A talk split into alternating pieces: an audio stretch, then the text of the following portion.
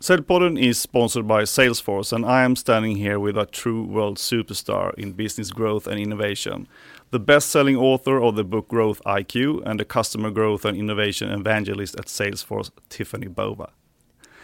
Why is Salesforce the world leaders in sales innovation and customer success? Outside of the fact that we're awesome, besides that. yeah.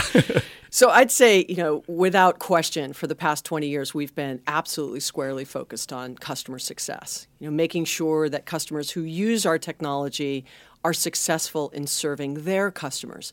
Because ultimately, that's what this is all about. We want to make sure that our customers are able to sell, service, market, and engage with their customers where and how they want to be communicated with. It's really about how do we help drive success in their business? Because if they're successful, we're successful. And I think as we've stayed true to that over the past 20 years, it's served us very, very well.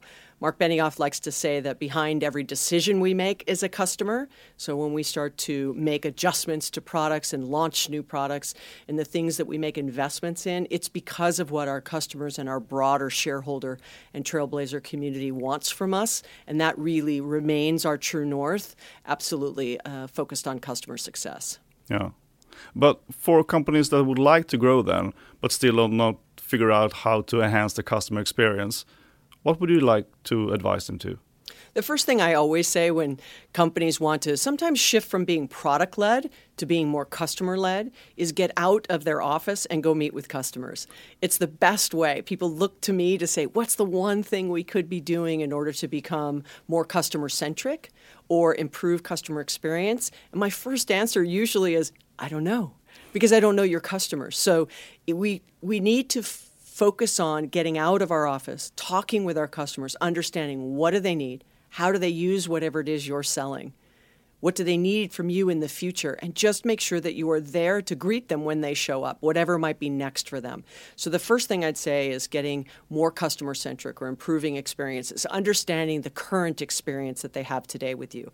Then and only then can you look for areas for improvement where you can pivot even small enhancements, you know, moving from customer service being a cost center to being a revenue generating center uh, and really starting to shift that, which moves to being more customer success oriented, where people are rebranding customer service to customer success for that very reason. So I'd first say by understand who your customers are and then make sure that the decisions you make from a people and process standpoint all align towards that customer. Uh, but why do you think that companies should start to work with Salesforce in order to grow their business then?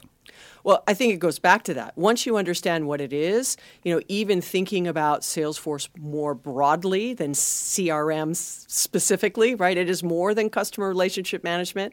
Now we have Sales Cloud and we have Marketing Cloud and we have Service Cloud. And if you just look at the power of those three uh, clouds integrated together, bringing disparate units away from being siloed and more connected around a single view of the customer and the customer 360, as we like to say.